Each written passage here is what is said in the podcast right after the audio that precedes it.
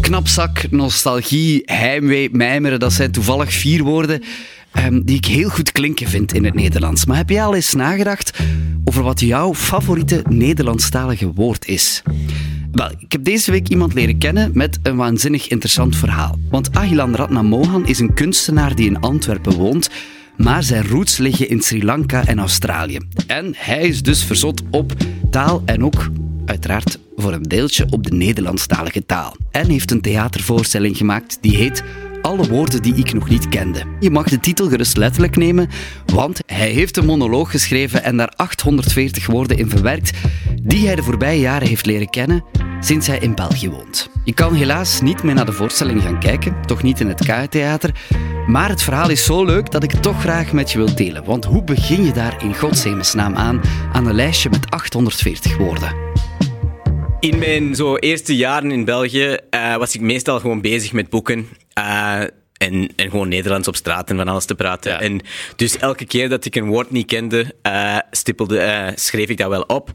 En ik ben een beetje een nerd en ik, ik hou dat graag bij, zo in een soort Excel. En ik, er is een app, Memrise, die ik gebruik. En dus ik kon die allemaal in Memrise zetten en zo kon ik verder studeren. Maar Ja, maar wat voor woorden? wa- Waren dat dan rare woorden of waren dat dan doodgewone woorden? Zoals wortel en winkelkarretje Nee, en verzekeringsfranchise bijvoorbeeld?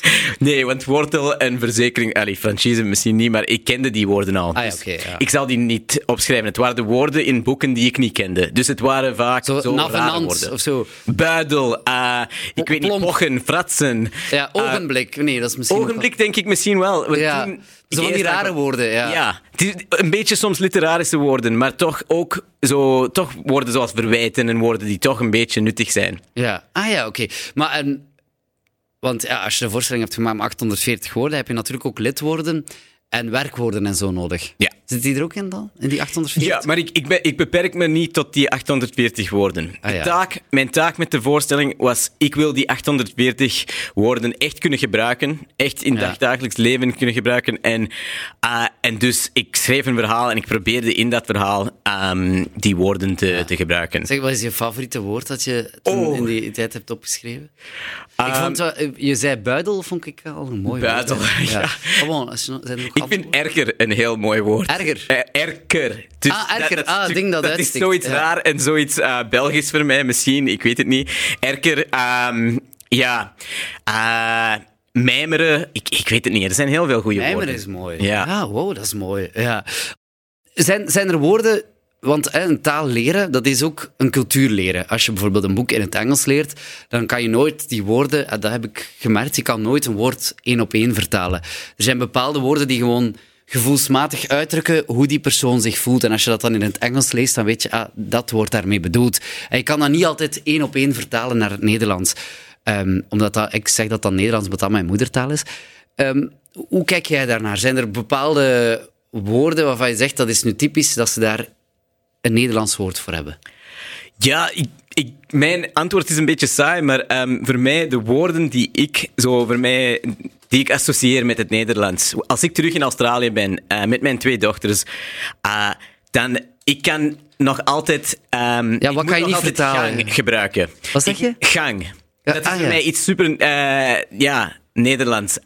Ook trui. Als ik eh, hallway zeg, hallway in plaats van gang, is gewoon super raar. Ik spreek Engels met mijn dochters, duidelijk. Ehm, dus, en trui is ook iets waarbij ik, ik ga dat altijd gebruiken met mijn dochters in plaats van cardigan. Ah, dus die zijn de woorden die ergens zijpelen in mijn Engels. Ja. Omdat ik En gang is misschien meer gang dan hallway. Hallway kan nog iets anders zijn. misschien. Ja, ik denk dat gang eh, een groot betekenis heeft, zeker in zo de als je Vlaming. een herenhuis hebt. Ja, De gang. de gang is een ple- plek waar zoveel gebeurt, terwijl Ja, dat is waar eigenlijk. De gang.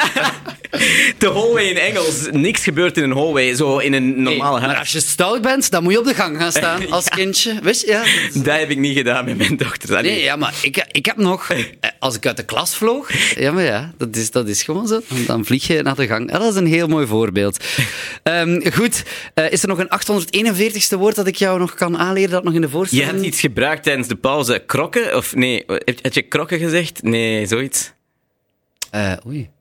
Maar je mag mij je, natuurlijk je lievelingswoord geven. Ik ga het meenemen voor een volgende. Ik vind... Ik weet niet waarom, maar ik vind winkelkarretje een heel mooi woord. Maar Ik dat ken ik al. Ja, eh, ja. het moet Eh. nieuw zijn. Hmm, ik zal er eens over nadenken. Oké, nadenken. goed. Goed, Agilan, dankjewel om tot hier te komen. Dit was trouwens een eh, podcast van Brus. Meer podcasts kan je checken op onze website brus.be slash podcast of in je favoriete digitale podcastwinkel.